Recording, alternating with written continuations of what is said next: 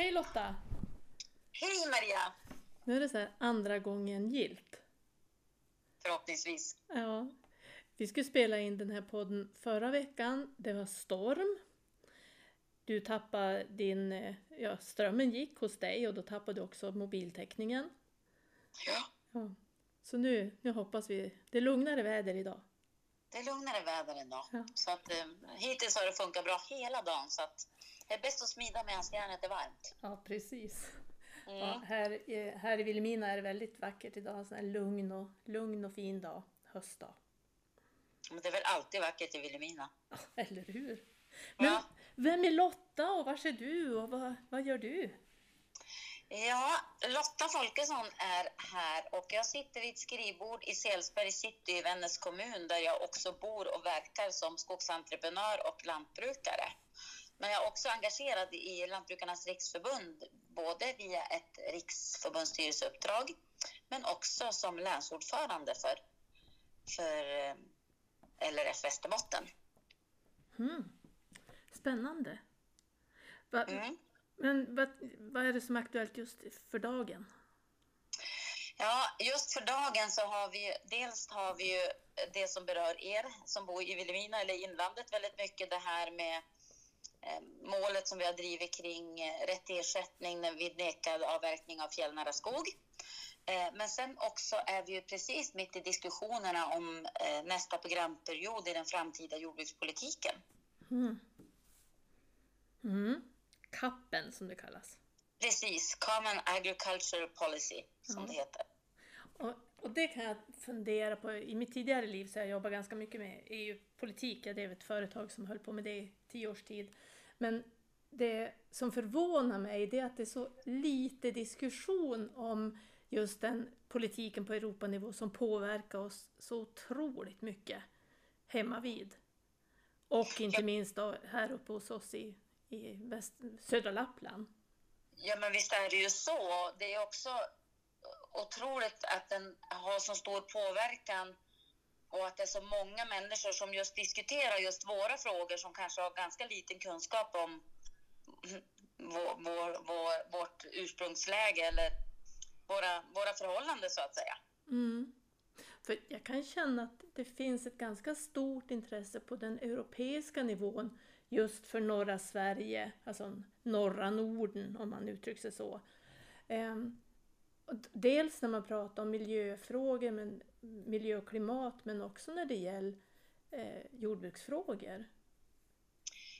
Ja, men, och det är nog en helt rätt känsla du har. För att om, om man tittar på liksom, om, vi ska, om man ser möjligheterna till det som alla vill, skapa det framtida hållbara samhället, så har vi ju otroligt många lösningar i våran del av ja, men både Europa och men framförallt av Sverige till att lösa det här. I och med att vi har både möjlighet att odla mer mat, eh, producera mer livsmedel och också skogen som är en otroligt viktig resurs i den framtida, eh, i, i den gröna omställningen. Men jag tänkte nu när vi befinner oss där vi befinner oss i den här pandemin. Eh, är det någonting som påverkar, eller har det kommit in för sent för att påverka kappen? Ja, nej, jag har inte sett liksom någon direkt, alltså det har jag inte sett någon direkt påverkan på kappen faktiskt, utan det är ju, ja men det som har påverkat mest den här förhandlingen, det är ju att britterna har lämnat. Ja, just det. budgetramarna ser ju helt annorlunda ut och sen har vi ju en inriktning också på ett större miljö och hållbarhetsfokus. Mm. Jo, den att- kallas för The Green Deal tror jag den kallas för va? Den hela Ja, paketet. farm, farm precis och farm to fork. Så att, vilket innebär egentligen i praktiken, det är viktigt också sen hur vi implementerar det här på, på, på, på, på landsnivå. Alltså Sverige sen ska ju sen, efter man har tagit besluten i Bryssel så ska ju Sverige sen utforma en egen CAP-strategi för den nationella implementeringen. Mm. Och där är det ju otroligt viktigt för att om man tittar i stora drag nu liksom på det som sker är ju mer åtagande och så mindre pengar. Eh, och eh, det såg vi också. Det är därför vi har kämpat för att få politiken att skjuta till och där har vi faktiskt lyckats med eh, att få en nationell medfinansiering i den här övergångsperioden med en och en halv miljard. För det är det som kommer att fattas nu fram till nästa programperiod som är otroligt försenad. Den skulle väl gått igång 2020, nu kommer den komma igång 2023. Jag vet att den där var ju en ganska het potatis just om den nationella finansieringen eh, för mm. att liksom ja, väga jämnt. Det var en ganska hård kamp tror jag, om de där pengarna. Ja, men om vi ska vara otroligt glad över dem eftersom det, var ju, det är ju främst landsbygdsprogrammet vi pratar om och det är ju ja, med regional utveckling och landsbygdsutveckling och kom, påverkar ju väldigt mycket möjligheten att leva och bo och verka och vara i landsbygd och i glesbygd. Mm. Men om mm. du då vore, om du nu bodde i, ja vad ska vi hitta på, i Gargnäs eller i, i Borgafjäll och fundera, alltså vad är det som man kan hitta finansiering för i kappen? Som skulle och det där var ju en 10 000 kronors ah. fråga. Alltså det finns ju otroligt, jag menar det finns ju till landsbygdsutveckling finns det ju många olika program och projektpengar att söka och jag kan ju inte liksom dem i detalj. Men däremot så vet jag ju att, eh, att om jag vill utveckla min småskaliga livsmedelsproduktion eller inte för den delen också primärproduktionen så finns det ju förhoppningsvis i nästa program, programperiod. Men det är ju som sagt det, är det vi på, försöker påverka nu så att vi får en strategi så att det fylls på pengar på rätt ställen så att vi kan ju också utveckla ja, men landsbygden och glesbygden som, som man nästan kan betrakta de här områdena mer som. Mm. Du sa from farm to fork, visst sa du det? Ja. ja alltså från, från farmen till gaffeln. Ja, mm. precis. Och jag tänker att just det också är väl någonting som pandemin påverkar. Eller, alltså, jag tror att, eller jag tänker att det kommer inte till att se det kommer inte att se likadant ut utan vi har fått en större medvetenhet om hur viktigt det är med självförsörjning, att vi ser till att vi har en, en, en egen livsmedelsförsörjning, därmed lokalproducerat, att man stärker sitt lokalsamhälle. Ja, jag tänker att på något sätt så tror jag att det, det är en av de saker som Corona kom till att bidra med som ger någonting positivt. Ja, och den effekten har vi ju redan sett. Jag menar de här Facebook eh, marknadsplatserna.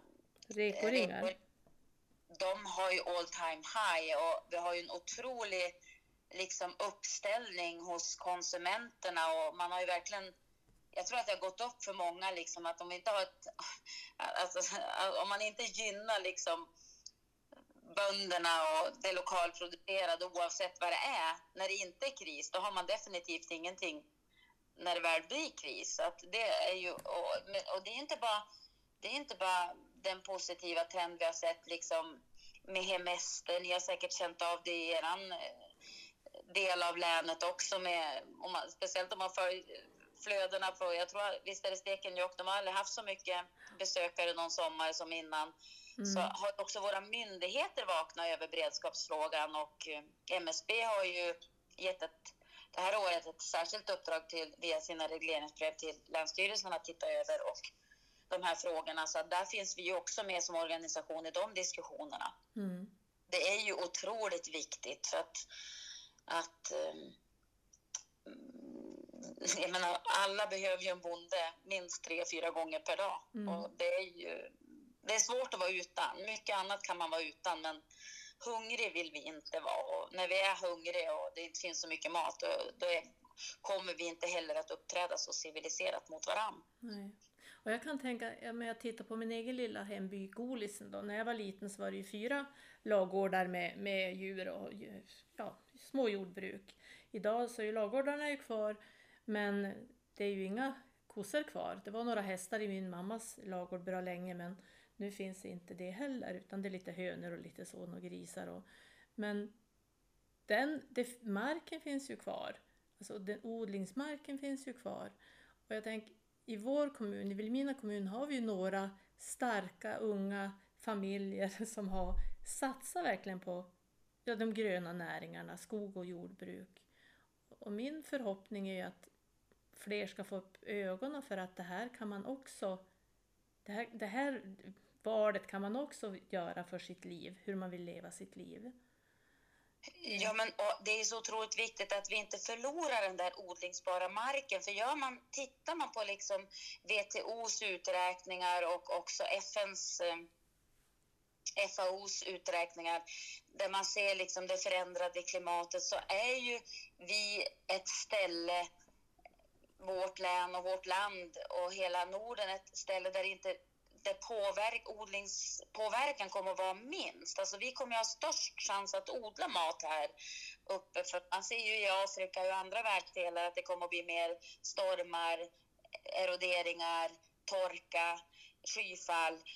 Och därför är det ju så himla viktigt att vi är rädd om den brukningsbara marken. För att vi skulle ju, eftersom vi kan producera maten på ett otroligt hållbart sätt och med en, dessutom en god djurvälfärd så borde vi ju egentligen producera mer av världens mat. Och det är ju, får man bara rätt konkurrensfördelar så, så ska det ju gå lika bra att göra det i Vilhelmina som i Robertsfors kommun. Ja, jag tänker på Maria Axelsson i Stalon som har startat grönsaksodling. Det är, ja. inte, det är kanske inte det första att man tänker på att en liten fjällby sådär eh, mittemellan två fjälldalar ska kunna ha en grönsaksodling. Det men det gäller ju också att man, man får till en generationsväxling för att du säger ni har, nu har ni ett gäng unga, jag menar de peppar ju varann. Alltså, man, det, det, gäller ju liksom att det finns, ja men kollegor är ju också viktigt. För jag menar hållbarhet, det är ju inte bara miljömässigt, det är ju också ekonomiskt och framförallt socialt. Mm. Alltså det gäller ju att man hittar ja, men attraktionskraften och få för, rätt förutsättningar för att då, då ser, alltså, ska, alltså positiva flöden ger ju mer positiva flöden. Mm. Så man hamnar i en god spiral och får liksom, ja men goda exempel och att man, man hittar en, en framtidstro både i näringen men också på orten. Det tror jag är jätteviktigt för att det ska inte kännas som att ja, men nu är jag född och uppväxt i Dorotea eller i Åsele. Om jag är kvar här, ja men då väljer jag bort någonting. Utan det ska ju nästan vara tvärtom. Att ja, men jag har valt att vara kvar här och då liksom, det berikar mig så mycket. Mer än om jag ska flytta till ja, men något, någon, någon stad eller det som man nu, vi har sett under en längre tid, den här urbaniseringstrenden. Alltså det har nästan varit nä, nästan lite töntigt att vara kvar. Ja. Eh, det är det här som man känner att man måste vända. Och det är precis det som är syfte, eller del med syfte med den här podden, att verkligen lyfta det här. För att vi är ju så fostrade i att staden är enorm och att vi som bor kvar på landet, vi är såna här lantisar och vi är inte lika mycket värd som stadsbon. Men det här börjar ju på vända. Och jag hade ja. Tin Gunmus med eh, fäbodägare som har flyttat till Vilhelmina. Eh, som jag vet att LRF hjälpte henne när hon drev en, en tvist med Skatteverket om hon skulle ha kassasystem och, i, på sin fäbod där det inte fanns varken el, elektricitet eller mobilnät. Men det hon sa var just det att hon eh, saknar den här stoltheten hur stolt man eh, kan vara för sin hembygd och det lokala som finns och som vi kanske idag i södra Lappland inte har uppbyggt på samma sätt som man då har gjort där hon kommer ifrån, ifrån Dalarna. Där man verkligen är så enormt stolt över sin hembygd och sitt, det man skapar där. Och jag tyckte det här var en jätteviktig, och du lyfte ju det också, det här att de här unga eh, drivna entreprenörerna och innovatörerna inom gröna näringar, de, de stöttar ju varann och skapar den här stoltheten. Ja, men och gemenskap. Alltså, mm. Man får inte glömma bort det här för att det är ju liksom, det är ju roligt att ha kollegor och det är ju roligt att ha någon att bolla tankar och idéer och liksom hjälpas åt att lyfta varann. Jag menar, det är det som som också tror jag är en, en, en, viktig nyckel till det här. Men, men, en annan viktig nyckel i den här frågan det är ju också den som jag nämnde i början, det här med liksom äganderättsfrågan. Ja, För det är ju också en grund i att man ska kunna liksom lyckas i det här också. Det är ju att vi har en stark äganderätt. Ja. Och äganderätt. Ja, det hade jag faktiskt för... tänkt skryta lite på LRF, för jag vet ju att man har drivit just den här äganderättsfrågan när det gäller skogen. Och jag, i mitt huvud så har jag hela tiden en ung kille som hade ärvt sina, om det var mor och far eller farföräldrars ställe här uppe i eh, gränsen mellan Vilhelmina och Storuman kommun, fjällnära skog, som, eh, som ringde och var förtvivlad. För att han såg ju att det han ville ha framför sig som sitt livsverk var hotat. För han skulle inte få bruka sin, den skog han hade ärvt. Och som han hade tänkt ja, leva på, på skogsbruket. Och jag har han alltid med mig i huvudet när jag hör om de här frågorna för just den förtvivlan som han då uttryckte med all rätt. För man är ju helt satt i händerna på staten i det här fallet. Ehm, Ja men visst, och jag menar han ville ju producera hållbarhet för det är ju liksom det skogen står för tycker jag. Mm. Och ska vi kunna göra det så måste vi ha en stark äganderätt så det är ju en jätteviktig fråga. Mm. Så att vi var också glada över att den tog den riktning som, som mm. det gjorde. Ja, det var nog ganska många som pustade ut rejält eh, här i södra Lappland. Åtminstone, och säkert i hela, ja alla de som berörs. Det är ju inte bara här utan det var, det är en stor fråga och man, de som inte äger skog kanske inte förstår, eller är i närheten av, av skog, förstår ju inte heller hur otroligt viktigt det här är. Och hur mycket jobb det handlar om. Nej men visst. Ja.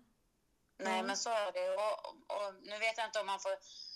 Eh, jag tänker också om ni har de som lyssnar på den här podden som har mycket frågor omkring det här nu så har vi faktiskt ett webbinarium som man kan anmäla sig till som går av stapeln på måndag den 16 där, där man kan få svar. För det är ju mycket frågor omkring det här. Vad händer nu? Hur ser det ut med utbetalningar? Hur ska jag gå tillväga om jag blir nekad?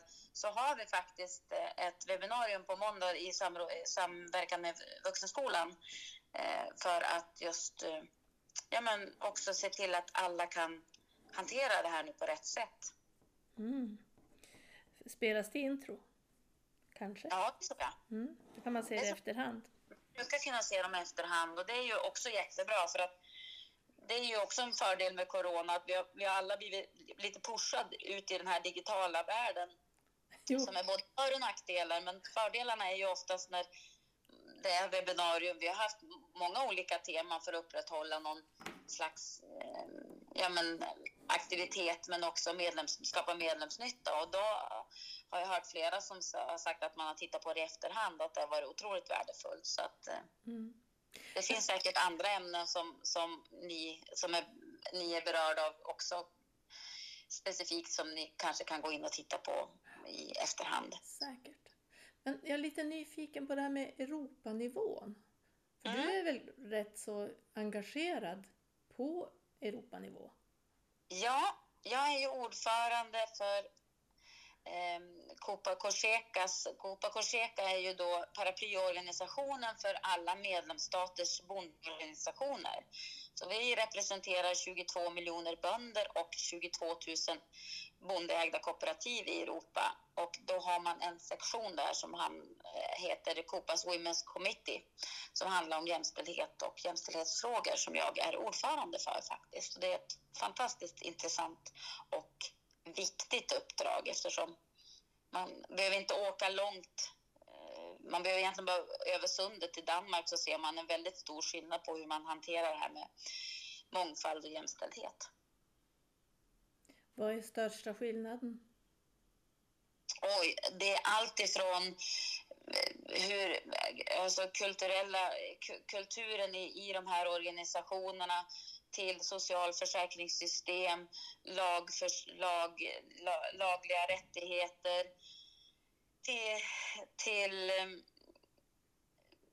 ja, det är ju jättestora skillnader. Alltså mm. framför allt liksom att vi, vi har ju ett, ett bra grundsystem här i vårt land som är lika oavsett om man eller kvinna. Jag menar, I Tyskland har du sambeskattningslagen. I Italien så är det inte säkert att om du jobbar tillsammans med din man och driver ett företag som, som jag har gjort här på min mans ställe och sen skulle han avlida jag menar, jag ärver ju det här företaget och kan ju driva vidare och har ju ändå liksom en trygghet. Mm. Men hade jag varit i Italien så det, då hade jag kanske lika gärna fått, kunnat fått packa mina väskor. För då är det någon bror eller någon annan blodssläkting som ska ta över gården. Så att det, det finns otroligt mycket att jobba med och mycket skillnader. Alltså de är mer som vi, vi har gjort den här resan men backat tillbaks 70-80 år på vissa ställen. Så att det är ju otroligt mycket ogjort i ja. jämställdhetsarbetet i övriga Europa. Och det kan, det kan vi ta i en helt egen podd. Ja, jag kan tänka mig det. Och det är väl det, mm. Man kan ju lätt bli hemmablind, men när man jämför med hur det kan se ut i andra delar av världen så kan man ju faktiskt inse också att vi, vi, vi ligger bra till på många fronter, även om det finns väldigt mycket att jobba med även här hemma. Ja, men och det är ju levande frågor. Alltså, vi har ju också ett löneglapp och vi har ju också svårare för kvinnor som vill investera och få tillgång till, till kapital. Men det, det är ju liksom på olika nivåer vi börjar. Vi har ju ändå liksom ett skattesystem som inte är köns, könsfixerat eh, eller könslåst och vi har ju ett socialförsäkringssystem som är lika för alla och vi har ju ett arvssystem som är liksom också lika för män eller kvinnor. Så att vi har en sambolag som, som reglerar för, för män och, och kvinnor på likvärdigt sätt. Så att vi, vi har väldigt mycket i våra grundstruktur eh, som jag ser. Och min, nu är inte Norge med, men Sverige och Finland är ju väldigt lik varandra. Men, men vi är nog, jag törs nästan säga att vi är världsledande på de, de frågorna. Mm. Men om, om man tittar på Eh, ja, dels ska jag säga att när det gäller jämställdhet så blev jag lite oroad bara häromdagen när jag hör att livslängden ökar överlag men den går tillbaka i en, gruppen kvinnor i arbetaryrken. Att där ser vi att livslängden liksom går backa och det blev lite skrämmande för mig.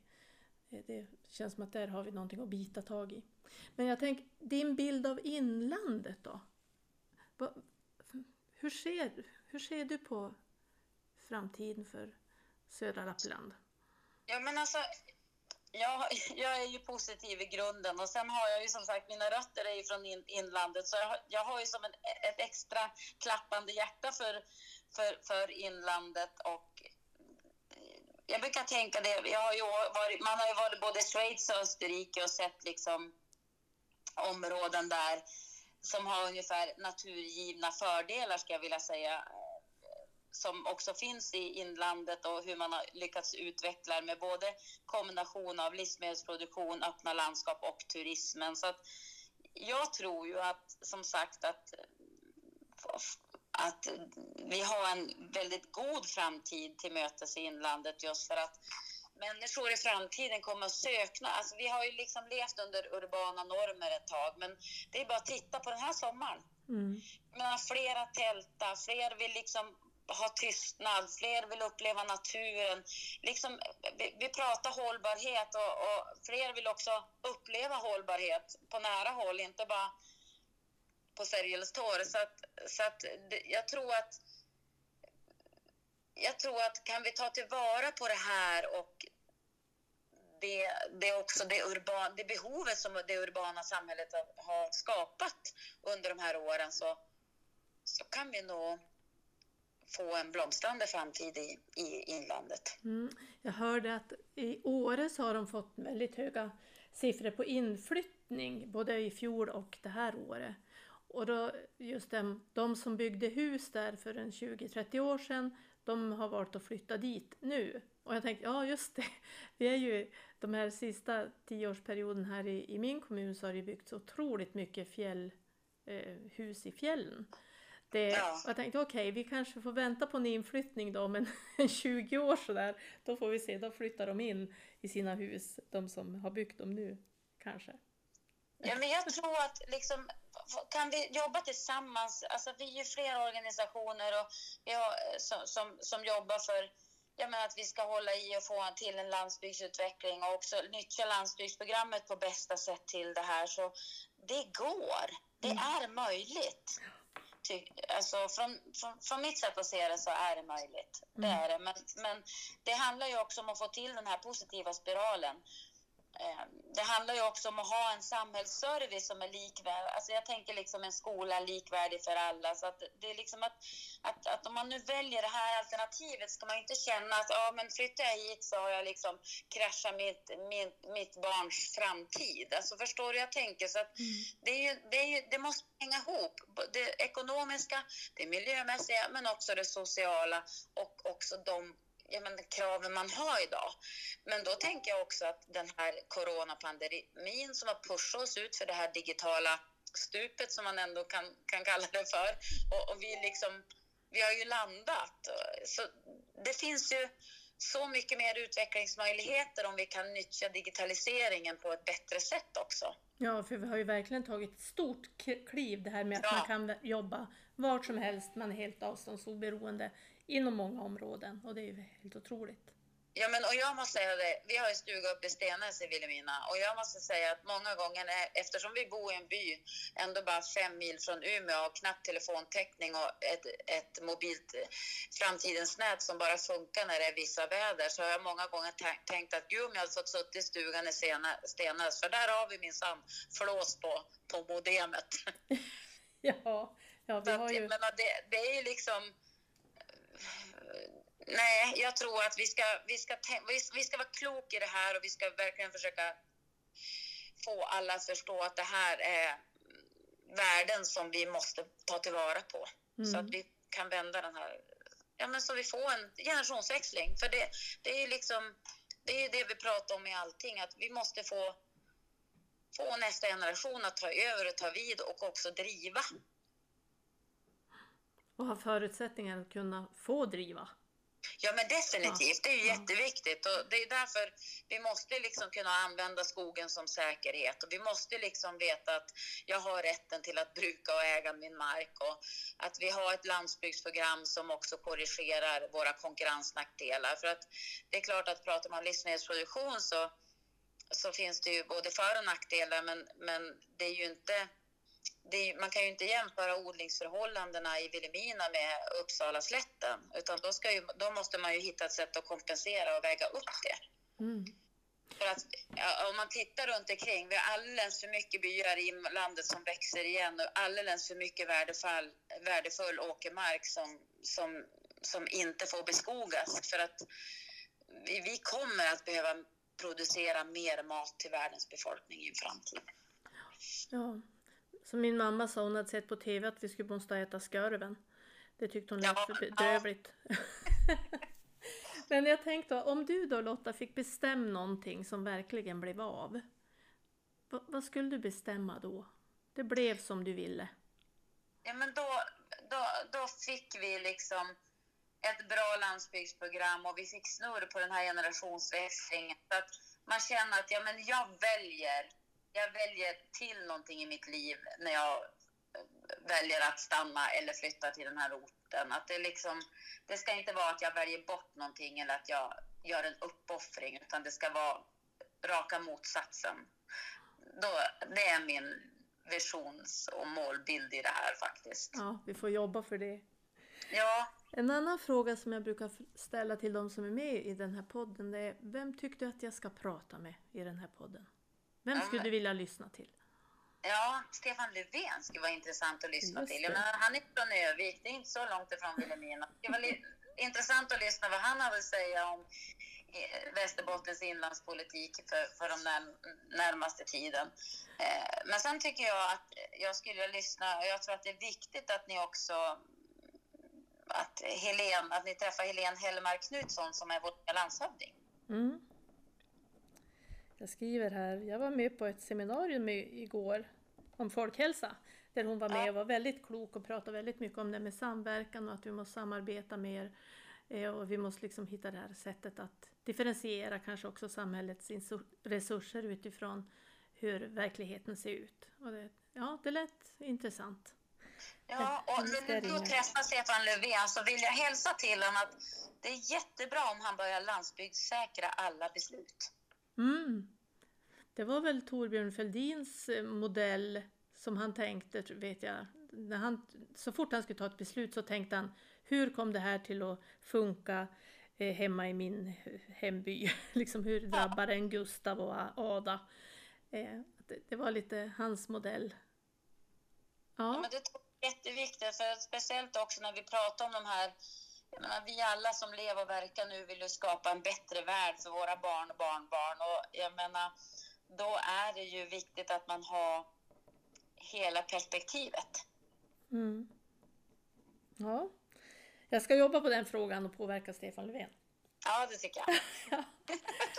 Men hör du Lotta, lycka till framöver i det här viktiga jobbet som du gör, både när det gäller jämställdhet på Europa, Europanivå men också för de gröna näringarna och för det, det vi ska se fram emot när det gäller eh, kappen. Kommande ja. penningpåse från EU. Just det, Nej, tack så mycket. Det, det är bra om man har ha de som tycker att det är viktigt, att eh, det är roligt att prata med också folk som förstår att det är viktigt att det finns folk som driver de här frågorna. Så ska ja. jag uttrycka Otroligt viktigt. Vi får hjälpas åt, alla, det vi kan. Det ska vi göra, definitivt. Ja. Tack ska du ha. Nej, men tack så mycket själv. Men du, jag glömde en sak. Om man vill få tag på Lotta Folkesson och känna att åh, det var en trevlig människa, hon vill jag prata med. Hur får man fatt på dig då? Ja, antingen så kommer man och hälsa på mig här i Selsberg city, som är då i Vännäs kommun, på gränsen mellan Vinden och, eh, Vinden och Bjurholm, här nu, Vinden och Vännäs kommun. Eller så ringer man mig på 070 351 9697. Jag finns också via World Wide Webben på lotta.folkesson.lrf.se. Mm. Lysande. Ja, men du, då jobbar vi på. Vi gör så.